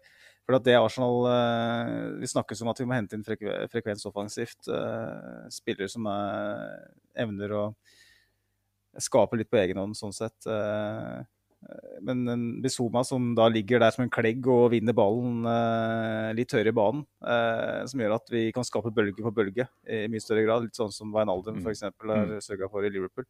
Det er det vi føler nesten skriker vel så mye etter. Da. Eh, fordi at når vi hele tiden må bygge opp eh, spillet vårt eh, fra backrekka, eh, så blir det, blir det vanskelig å skulle skape åpenbare målsjanser. For at motstanderen er i så balanse hele veien. At da trenger du så eksepsjonelle spillere for å kunne bryte opp det. Og, da, og det å da kunne vinne ballen i litt gunstigere situasjoner, da. Det, det mangler vi så sinnssykt. Mm. Uh, og det Bizuma i Brighton har jo vært Altså, jeg har sett en del Brighton, han er jo helt enorm. Det er bare det at steg opp til et Arsenal, du vet aldri hvordan det vil, bli, vil gå, men eh, Nei, jeg, jeg må jo si at eh, av han eller Neves, da, så er det ikke noe tvil om hvem jeg håper på. Uh, kunne sikkert vært fint med begge, men jeg, jeg ser for meg at hvis vi skal spille med en, en toer på midten, så, så utfyller ikke Neves uh, partei på en tilfredsstillende måte. da. Jeg tenker han blir litt for både treg og kanskje litt for defensivt anlagt. eh, eh, I måten han posisjonerer seg på. Mens Bizoma er et, som du sier, en eh, litt sånn klassisk eh, midtbaneåtter, eller sekser, som, eh, som turer fram og tilbake og dekker store rom. Og han har jo også vist at han er, eh, er målfarlig, vel. Eh, I hvert fall på noe heftig langskudd. Jeg vet ikke om han på en måte har, har den type evne at han dukker opp i boksen eh, også, eh, men jeg føler at vi får en veldig allsidig spiller potensielt. da. Så i den grad det er én av disse to som skulle komme, så må jeg jo si at jeg har mer lyst på, på sistnevnte enn Neves. Mm. Definitivt. Eh, nei, men det, det, er ikke vi som skal avgjøre, selv om eh, vi, vi, tenker jo her at vi sitter med dressjakka til du på. Eh, og det var vel det vi utfordra disse ja, som har vært inne med, med kommentarer på, på Twitteren vår også. Og jeg ser at alle hadde jo med eh, godeste Bizuma som, eh, som, en de ønska inn. Så er det jo klart at dette poenget med at han er sannsynligvis deltakende i eh, Africa Cup of Nations uh, gjør jo at man potensielt da sitter igjen med veldig få, da, hvis både han, Partei og El Neni blir borte. Eh, ja, det er en halvannen der. Så nei, det må jo absolutt tas høyde for at, man, at det er en, både en stor del av sesongen og en ganske avgjørende del av sesongen. Det er som du starter sesongen uten keeper, og så når det kommer til januar, så uh, forsvinner den keeperen uh, enda lenger ut. Uh, og midtbanen forsvinner i tillegg. Så. Ja, det, det, det, er jo det er litt kjipt altså, det der, at det Afrikamesterskapet Dette er ikke første gangen vi har vært, vært i den situasjonen. Vi har jo mista Husker Colo Touré forsvant til Afrikamesterskapet for en del år siden og fikk malaria. Og mm. kom vel aldri ordentlig tilbake. Så det Song forsvant, husker jeg. Og det er liksom sånn det er en veldig ugunstig avbrudd for de som spiller som kommer tilbake. De bruker som regel ganske lang tid på å finne rytmen igjen. Så det er nesten sånn at når de forsvinner i januar, så kommer de ikke tilbake før neste sesong. Eh, en del tilfeller. Mm. Så eh, jeg, jeg, forstår hvis Arsenal eh, eh, kanskje tenker litt annerledes. Eh, selv om det, liksom, det føles litt sånn feil òg, hvis det er en sånn åpenbar spiller da, som Bizuma kanskje er, eh, som har Premier League-erfaring, som ville gått inn og gjort en jobb som virkelig trenger. Og så er det sånn at nei, vi, han skal spille i Afrikamesterskapet i januar-februar eh, 2022, så da, da, får vi heller velge en spiller som vi har litt mindre lyst på. Mm. Eh, som da skal være her kanskje i fire-fem år, som ikke er like bra. Det er, det er vanskelig, altså. Jeg er glad ikke jeg skal uh, ha det dressjakka. Jeg har vel så stor tro på at du kunne gjort gode avgjørelser der, altså, som, uh, som en viss uh, brasilianer. ja, kanskje. jeg, jeg, ser Nå har vi vært innom mange navn. vi har vel kanskje ikke altfor mye tid til å dra gjennom alt som er, men, men Stian Bøhling skrev jo i sin post at han mener vi virkelig trenger en venstrebekk, men han stiller spørsmål om hvem. Mm. Ehm, det her har vi jo vært linka til litt av hvert. ikke sant? Det har jo vært uh, Ryan Bertrand, som det var snakk om at skulle til oss i januar. Når han ikke kom i januar, så gir det kanskje ikke så sykt mye mening å hente den nå, med tanke på at han er et halvår eldre og på en måte er uh, Altså, hvis vi ikke kunne uh, få ut fingeren og hente den når vi faktisk trengte en, en erstatter for Tierney når han var skada, så er det rart om vi på en måte går ut og plukker den nå, da. Så jeg tror ikke det er et aktuelt navn. Eh, så er det han skotten på Hibernian, Josh Doig. Doig. Ja, stemmer. Eh, hvor det var mye prat. Og så har vel kanskje det blitt litt borte, eller? Har du oversikt på om han er fortsatt eh, aktuell? Det, ifølge The Athletic, da. De har jo mange gode journalister som har de har jo snappa opp de beste journalistene fra de mm. fleste uh, nye mediehusene i England. Uh, og det sies at den linken av kjølen er ganske betraktelig. At det ikke er så veldig aktuelt. Jeg vet ikke hva som er årsaken til det. Men uh, han er vel 18 år, så det Kanskje han er hakket for ung da, til å mm. skulle være backup for en spiller som er såpass skadeutsatt. Så, nettopp det. Og det er jo det du og jeg har prata en del om òg. Altså, hva er det vi egentlig trenger når vi skal ha en annen venstrebekk der? For det, å ha en som bare er backup uh, altså Det er jo vanskelig signering å få på plass i utgangspunktet, fordi enhver venstreback vet at Kieran Tierney skadefri er sannsynligvis bankers på det Arsenal-laget her. da. Uh, så liksom få en som både er litt tilfreds med å være et slags uh, andrevalg, men samtidig må være god nok til å potensielt kunne steppe inn i halvparten av ligakampene. Det, det er en vanskelig øvelse. Jeg titta litt rundt på på nett og liksom bare sett noen forskjellige navn. da. Um, der er eh, et par-tre navn som kan være litt interessante. Det er uh, han uh, venstrebekken til Derby, Lee Buchanan, Som Nå sleit jo de fælt i championship og rykka nesten ned, men det skrives i hvert fall at han hadde en ålreit sesong. Eh, U21-landslagsspiller for England. Eh, dekker jo da selvfølgelig homegrown-kvoten eh, i en viss grad også. Eh, Mm. Kanskje en type man kunne sett for seg at eh, er villig til å gå inn i en slags eh, eh, ja, kall det backup-posisjon, da, men som kanskje har en del ålreit å komme med likevel. Eh, jeg vet ikke om du har hørt navnet engang, jeg, men Jo, jeg har, jeg har så vidt lest litt om den. Ja. Så det kan jo være spennende, det. Eh, hvis han har prestert i championship, så kan det jo holde som backup i, i Premier League. Eh, det har vi sett flere eksempler på. Så ja, i hvert fall hvis den er litt sånn opp og, opp og på vei fram, da. da altså U21-landslagsspiller for England, da, da har du åpenbart en del å fare med. mm. Så er det jo et par andre navn. Eh, Borna Sosa, som spiller venstreback for Stuttgart. Eh, tenker jo tanken på at han kunne vært en, eh, en slags del av en deal hvor Mavropanos går andre vei. Eh, vi kommer jo sannsynligvis til å deale med Stuttgart i, i sommer i hvert fall, så det kunne vært spennende å se om det var et navn som dukka opp der. Det eneste som er snakk om, det er vel at de stort sett har spilt med en, med en treer bak med wingbacker, da. Så hvor, hvor solid han eventuelt er bakover, er kanskje litt mer usikkert. Men at han, at han har mye å bidra med framover, det, det kommer vel ganske tydelig fram når man leser litt om den. Mm. Eh, Så har jeg lyst til å shoute out eh, Fredrik Bjørkan på Bodø-Glimt. ja. Det er en spiller som Jeg ser ikke så mye eliteserie, men det man har sett og, på Bodø-Glimt, det er jo et eh, det er jo et spennende pakke med både teknikk og, og fysikk på han, altså. Så kanskje steget er vel stort, det må vi vel kanskje være så ærlige å si. Men uh, kunne vært en, en liten sånn dark horse, da. Kanskje vi skal være litt uh, småfrekke da, Magnus, og, og, og spille inn, uh, inn det ryktet på Twitter, og så se om det, om det fører noe fram. ja. Nei, vi skal ikke det kan være kult, det. fake news, da. Det skal vi ikke.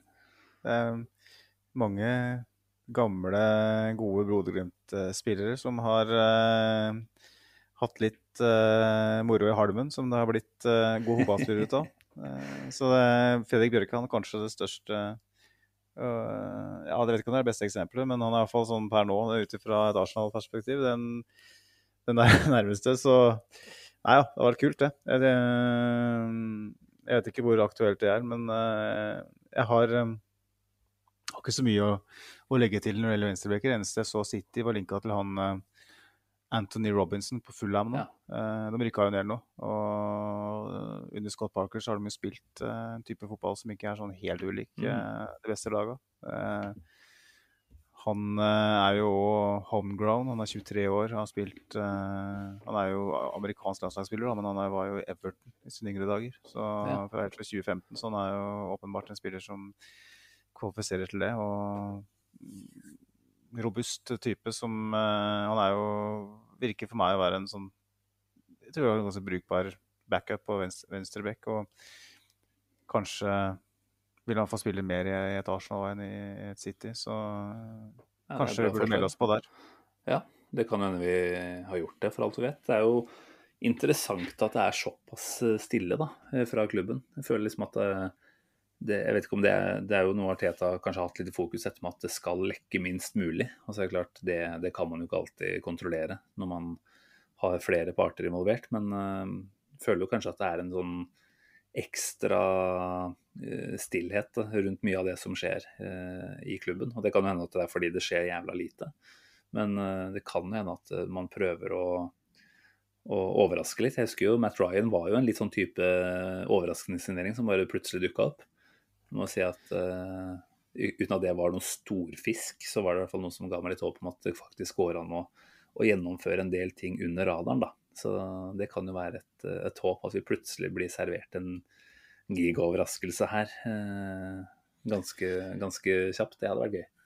Jeg tror, jeg tror Sol Campbells eh, tid er forbi sånn sett. Også de, den type overganger eh, sto, altså, Klart det var en enorm overgang, selvfølgelig, da, men jeg tenker at, at, at eh, semistore overganger òg blir kjent samme dag som blir bekrefta, er veldig veldig sjelden. Jeg husker Fabinho i Liverpool eh, for et par år tilbake. Den kom jo Mm. samme dag. Men ellers kommer jeg nesten ikke på noen i det hele tatt. Eh, det er vanskelig. Det er ofte lange sagaer, det er lange og forhandlinger, og det er interesse fra både agent og kanskje selgende klubber å få storyen ut for å røyke ut noen andre interessenter, ikke sant. Mm. Så ja, det er nesten umulig, virker det som. eh, å, å spille med så lokka kort. Uh, Matt Ryan-dealen den er jo en, en låneavtale uh, på en keeper som ikke får spille i all verden i, i Brighton. Det er, Det er ikke så vanskelig å, å legge skjul på den, tenker jeg da. Nei, det er et godt poeng. Det er et godt poeng. Nei, som sagt, Vi kunne sikkert snakka kjempelenge her, men, eh, men jeg lurer på om vi bare skal nærme oss uh, tampen for denne gang. Og alt som på en måte er Det kommer jo til å bli mye uh, rykter framover. Og det er noe med å ta tak i det som det dukker opp, for så vidt. da. Vi, vi skal jo innom uh, på den her hyppig gjennom sommeren, skal vi ikke det? Selv om vi har andre ting å finne på. Så tenker vi Ja. kan jo ta de eventuelle nye aktuelle navnene litt sånn som de kommer ettersom, da. Men hvis du allikevel skulle fått uh, utfordring av, av meg, da. Hvor mange spillere tipper du at vi kvitter oss med i sommer? Altså både på lån og permanent. Og hvor mange spillere tror du vi henter i sommer? Ja, det var et kjempeenkelt spørsmål, da. Ja, Kast ut et tall, da. Um, hvor legger vi lista? Altså Ja, ja, ja, Ja, Nå tenker jeg Louise, da. Er Ødegaard og Ceballos selger ikke? Nei, de teller ikke. Nei. Og Louise, som vi har kvitta oss med på en måte allerede, teller jo heller ikke. Ehm, Skal vi si kan- at vi Hva sa du? Jeg kan nevne de navnene på en måte vi har vært innom. Det er William, Berin, eh, Enketia, Runarsson, Mavropanos. Ja, vi har ikke nevnt alle her, da, men Cedric, Kolasinac, Torreira, Gunduzi, Lacassette potensielt. Chaka, eh, ja, Nelson, Maitland Niles, Leno. Oi. Vi er oppe i 14 stykker der nå. Eh, Er det 14 altså da, de Nå nevnte du 14 stykker? Det var alle jeg nevnte nå, ja. Det var 14. Å, hjelp. Eh, si 11, da. Uff. Ja, det er heftig i så fall, hvis det blir så mange. Det er jo et FM-vindu, det. Det er et FM-vindu, eh, men mange av de her er liksom sånn Det er ikke nødvendigvis salg, da. Det er lån. Mm. Jeg tenker sånn som Nelson og Maitland Nice og sånn. eh, En Maitland Nice må nesten selge nå, men vi tar den debatten en annen gang. Men uh, også det det spillet der som jeg tror det blir, blir låneavtale på, men eh, jeg tror, jeg tror fort elleve av dem ikke er i, i klubben. Nei, og det er sånn Når du ser på hver enkelt av de, så kan du jo finne ganske gode argumenter og holdepunkter for at man kan kvitte seg med de. Og så er det dette med hvor mange kan vi kvitte oss med. Vi snakka om det forrige gang her, at uh, ja, vi skal jo bare spille Premier League og, og hjemlige cuper, men, men det skal jo være dobbel dekning på alle plasser, i hvert fall. Uh, Ja.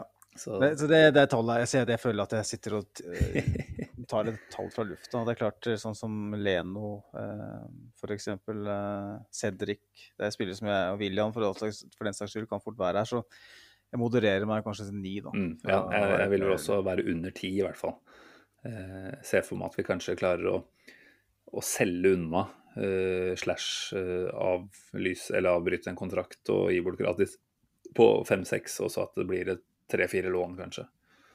Eh, Ja. Men det blir ekstremt interessant, for det er jo en arbeidsmengde først og fremst her da, som er så grisestor. Så det er liksom, hva er det mulig å få gjort? Jeg, jeg tipper at vi sitter med mange av disse spillerne også når det nærmer seg slutten på vinduet. Og så, og så blir det en litt sånn hurtig utrydding på slutten der, så får man unna så mange som mulig.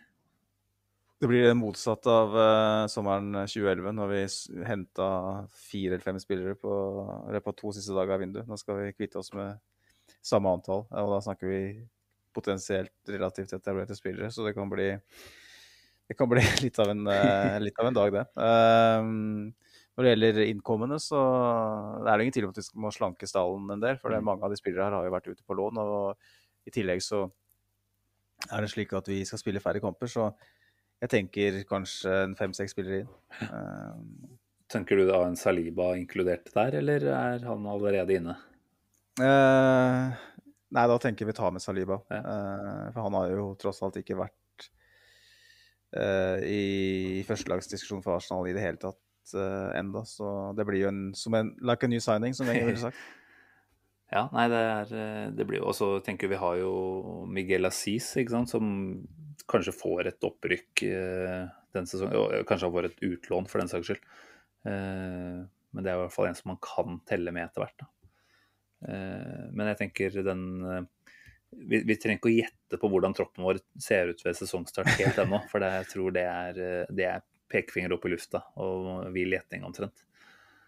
Men nei, det blir mye. Det som er interessant, som jeg syns på en måte kanskje ikke har blitt snakka nok om her heller, da, det er jo dette med hvem går og hvem kommer inn, i form av hvilke typer lederegenskaper er, er det man innehar. Altså, vi har mista Louise nå, vi mister sannsynligvis Sjaka. Så kan man selvfølgelig diskutere om det var gode ledere, men at det er store personligheter i garderoben og på treningsfeltet som tar mye profesjonelt ansvar. da. Eh, Louise også et veldig stort sosialt ansvar, virker det som. Eh, mm. Hvem er det vi som ser for oss kan skal vi si, rykke opp og ta deres eh, ikke posisjoner nødvendigvis, men i hvert fall ta over litt eh, mer lederansvar i klubben. Eh, jeg syns jo ikke det er sånn ekstremt mange jeg nødvendigvis har tiltro til at tar den type rolle, da. Eh, kan selvfølgelig håpe på at en Bukayo Saka som nå liksom blir med til EM, får en enda større stjerne. Eh, kanskje blir et enda litt større sånn referansepunkt i garderoben også. Eh, Smith Roe har vel uh, sagt selv at han er en beskjeden type, så jeg klarer liksom ikke helt å se på at han er den som trykker på en bryter der. Uh, Aubameyang måtte, har vel kanskje kommet dit at vi ikke forventer at tar skal vi si, et kapteinansvar på alle områder. Så um, det kan bli et tomrom der også, da.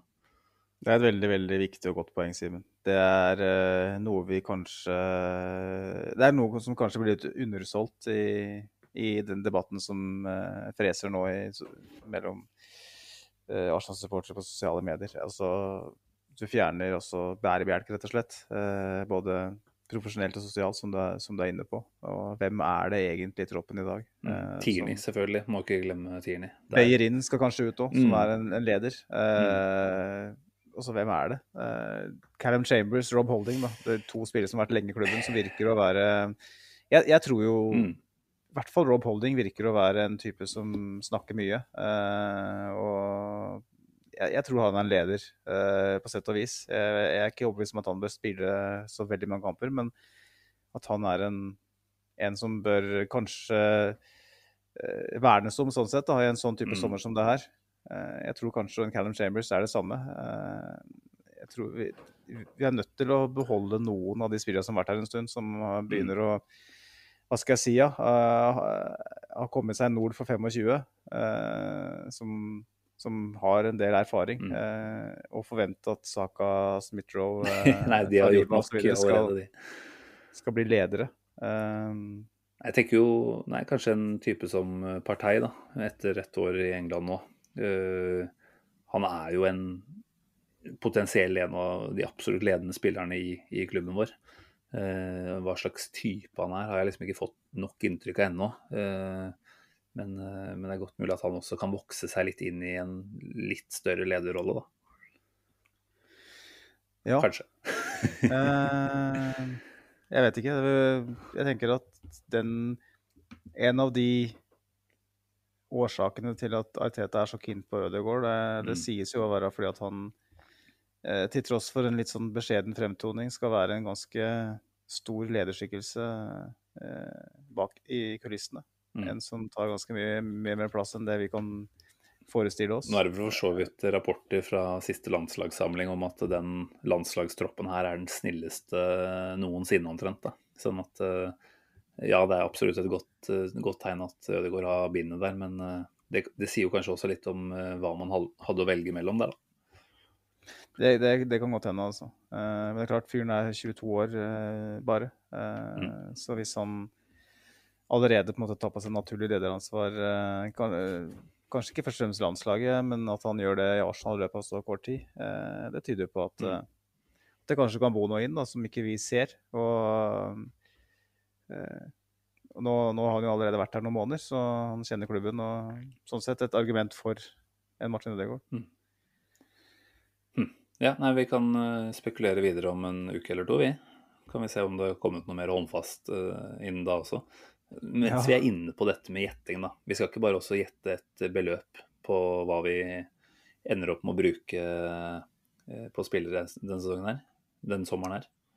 Eh, Da tenker jeg at det er lov å Ah. ta med salg, eh, så det blir jo igjen veldig det, blir, det blir så vanskelig, eh, fordi at det er så mange som skal inn og ut at eh, Jeg kan tippe først, jeg, da.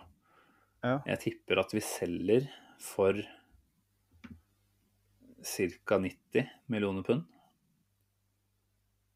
Og så tipper jeg at vi handler for Skal vi se om jeg tenker Hvis vi later som at Ødegaard kommer for 40, Bizuma eller Neves kommer for 30-35, skal ha ny høyreback, forhåpentligvis. Onana blir billig. Lokonga har vi ikke nevnt. Eh, Det er jo kanskje verdt å ta to ord om han egentlig også, bare sånn veldig kjapt. Eh, Det er jo en som har blitt linka veldig hyppig nå siste, siste dagene, i hvert fall fra Anderlecht. En eh, 21 år gammel sentral midtbanespiller. Eh, Er det en fyr du for det første har sett noe av, og for det andre har troa på at vi kan hente? Jeg må innrømme at jeg har ikke sett sånn i det hele tatt, så jeg har ikke lyst til å uttale meg all verden om det. altså. Jeg, har sett Eh, én YouTube-video, og det var, eh, det var vanskelig å konkludere, for å si det mildt. Eh, Ja.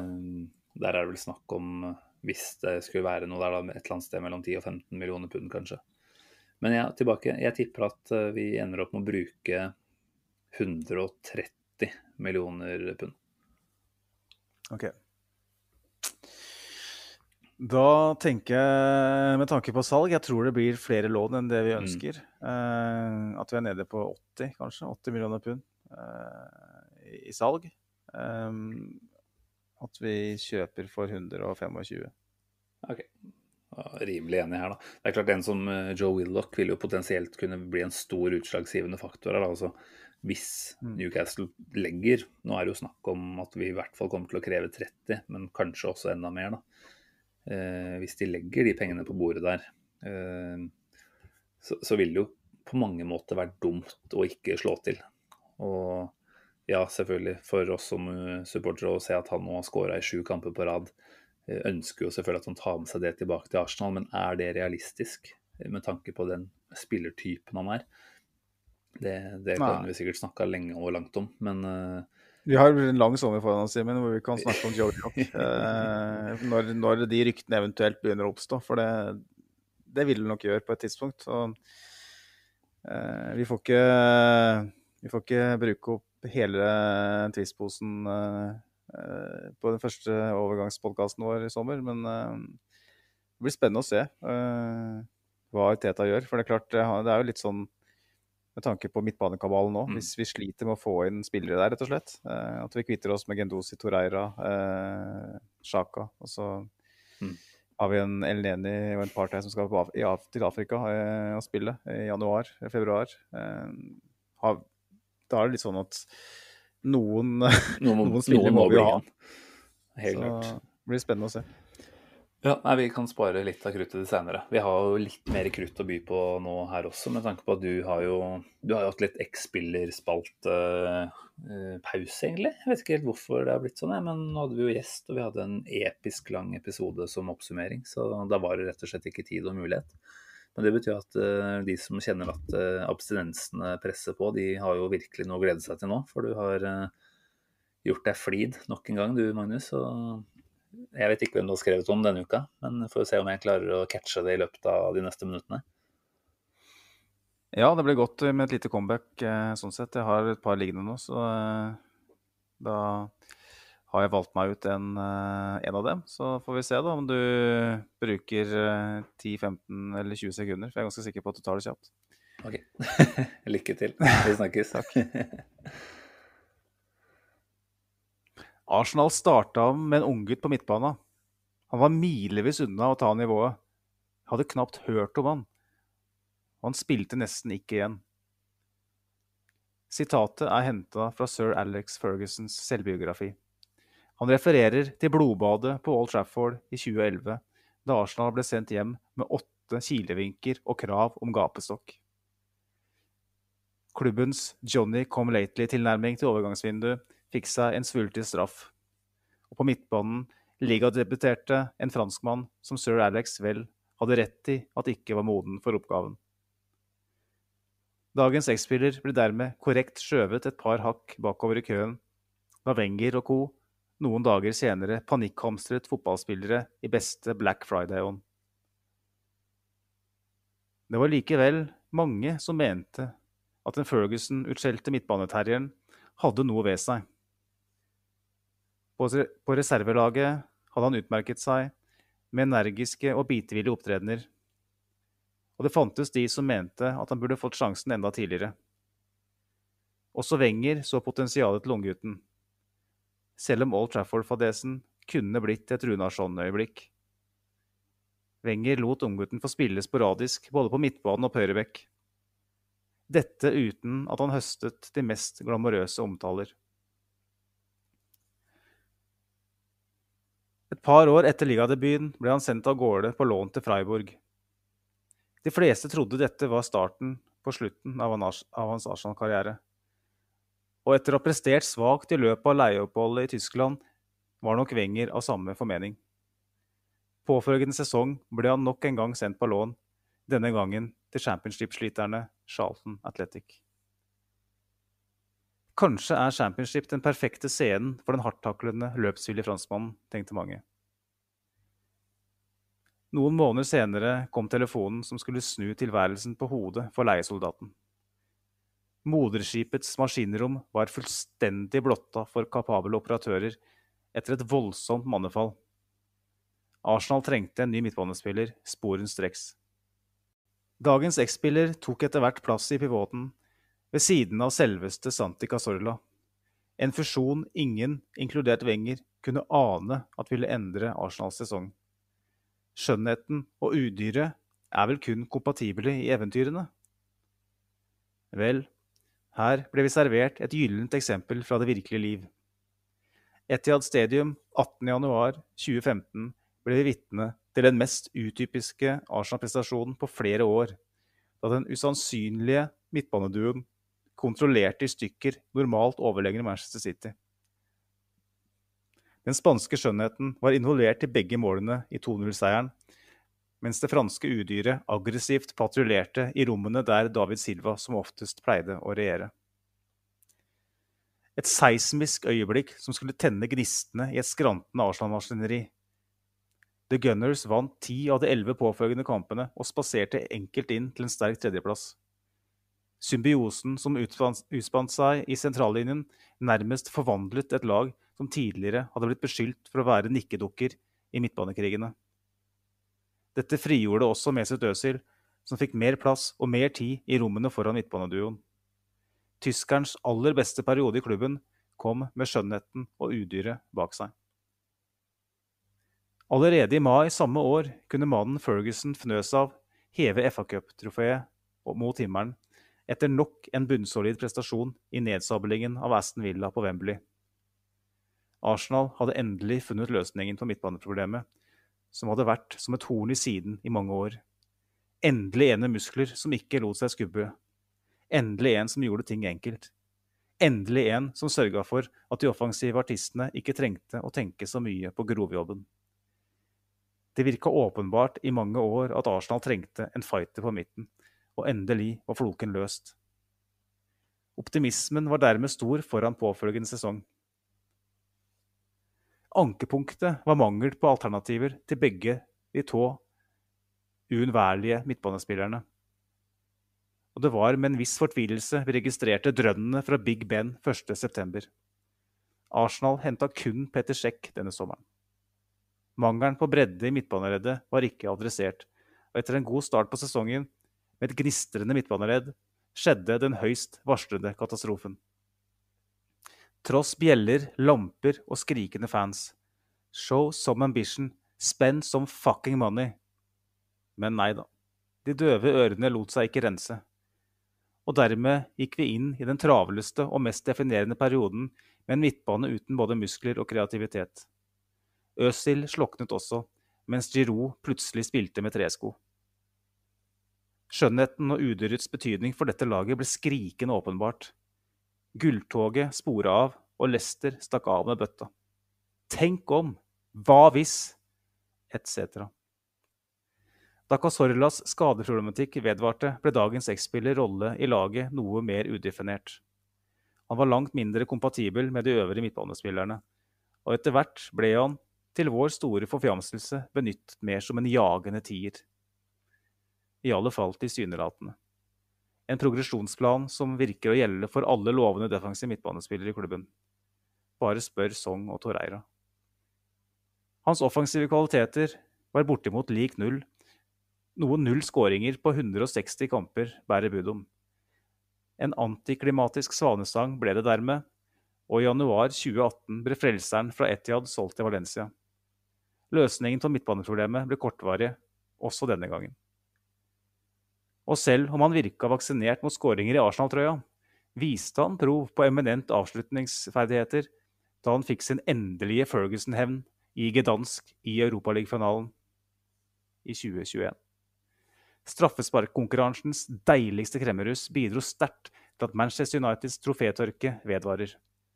Takk til herlige Francis Coquelin.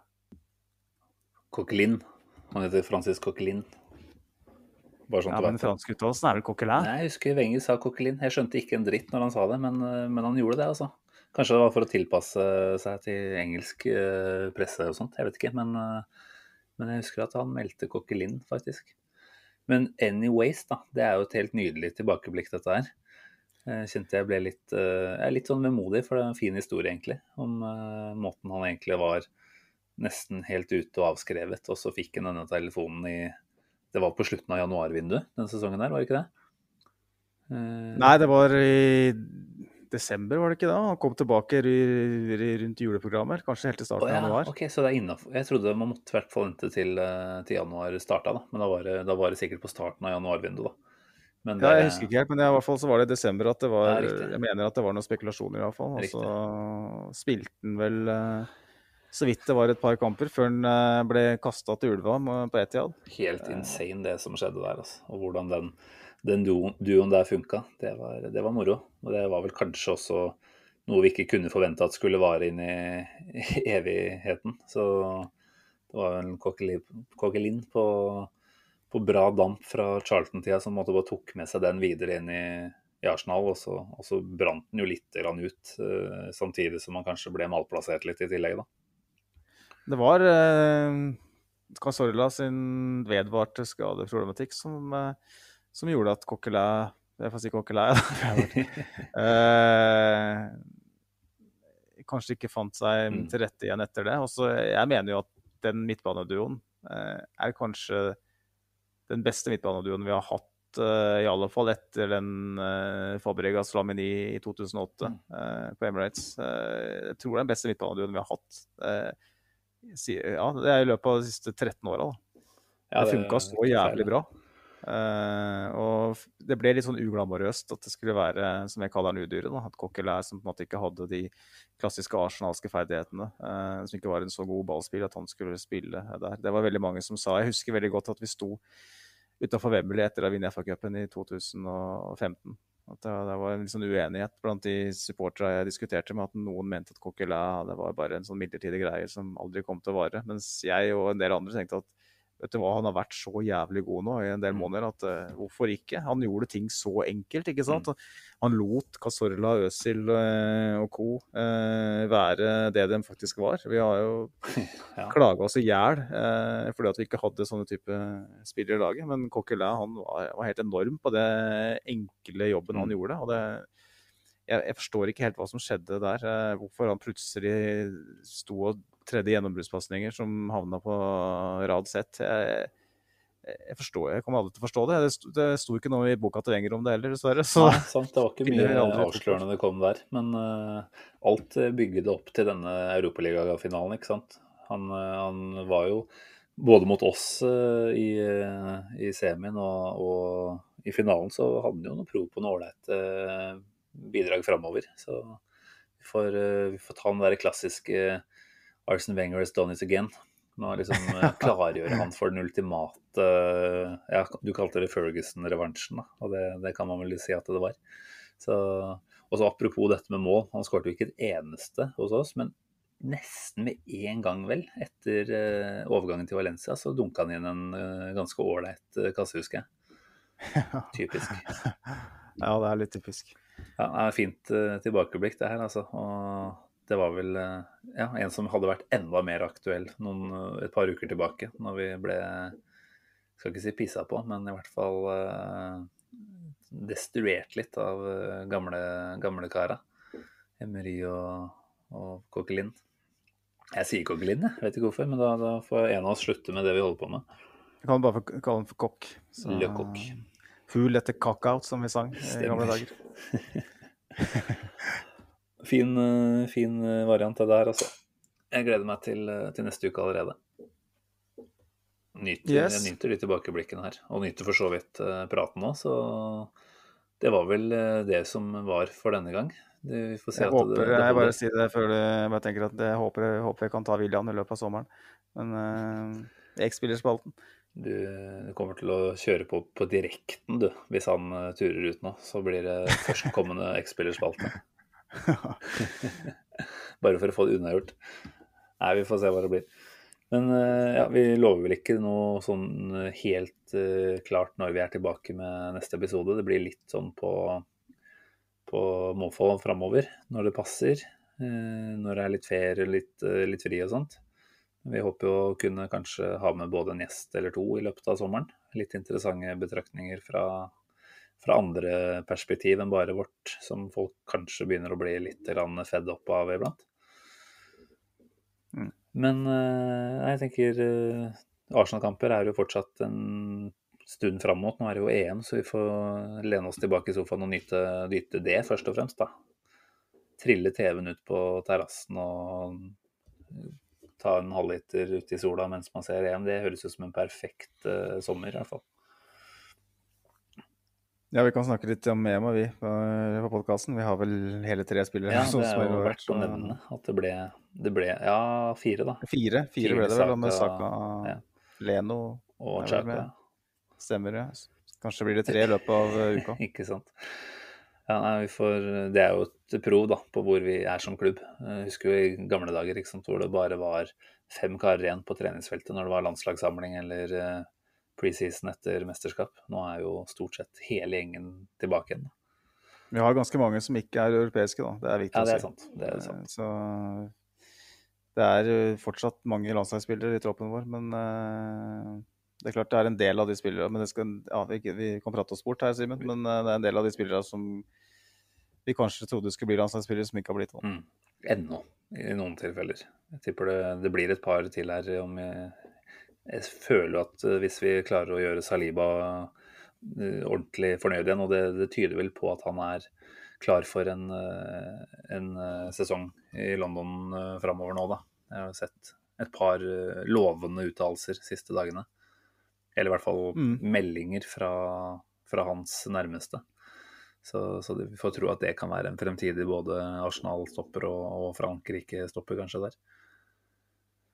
Men det, Ja, vi kan snakke mer om håper jeg eh, landslag og alt mulig seinere. Vi, vi har litt å, å slå i hjel tid med, i hvert fall.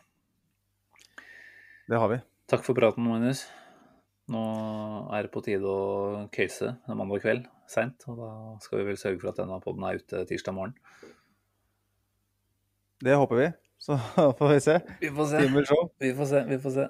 Vi setter i hvert fall stor pris på at dere som lytter eh, stadig vekk er tilbake med kommentarer og spørsmål. Eh, ja, reaksjoner. Så fortsett gjerne med det når vi er ute og fisker litt før sending. Og så sier vi jo også gjerne takk til en, eh, en like på Facebook eller en follow på Twitter. Vokse litt der skader ikke. Eh, takk, Magnus, for eh, en hyggelig prat i dag. Eh, takk for eh, du som lytta putta oss i hjørnet også denne gang. Og så høres vi igjen om ikke altfor lenge. Ha det bra. Ha det bra.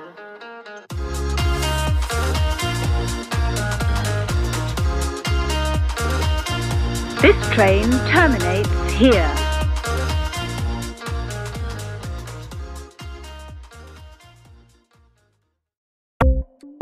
Ukens annonsør er HelloFresh. HelloFresh er verdens ledende matkasseleverandør og kan være redningen i en travel hverdag. Mange av oss har nok vandret i butikken både sultne og uten en plan for middagen, som ender med at vi går for de samme kjedelige rettene gang på gang.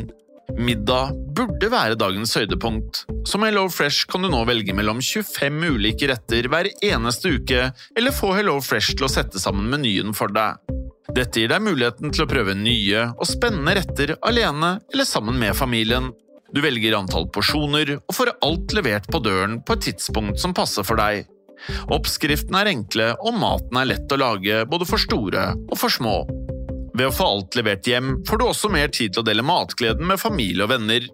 Kanskje det frister med asiatiske tacos eller greskinspirert kylling? Da kan jeg anbefale deg om å gå inn på hellofresh.no. Her kan du bruke koden FOTBALL og få opptil 1779 kroner i rabatt på de første fem matkastene hvis du ikke har prøvd Hello Fresh tidligere. Du kan også bruke rabatten hvis du har vært kunde og stoppet abonnementet ditt for tolv måneder siden eller lengre. Gå inn på hellofresh.no og bruk koden FOTBALL. Har du et enkeltpersonforetak eller en liten bedrift? Da er du sikkert lei av å høre meg snakke om hvor enkelt det er med kvitteringer og bilag i fiken, så vi eh, gir oss her, vi. Fordi vi liker enkelt. Fiken superenkelt regnskap.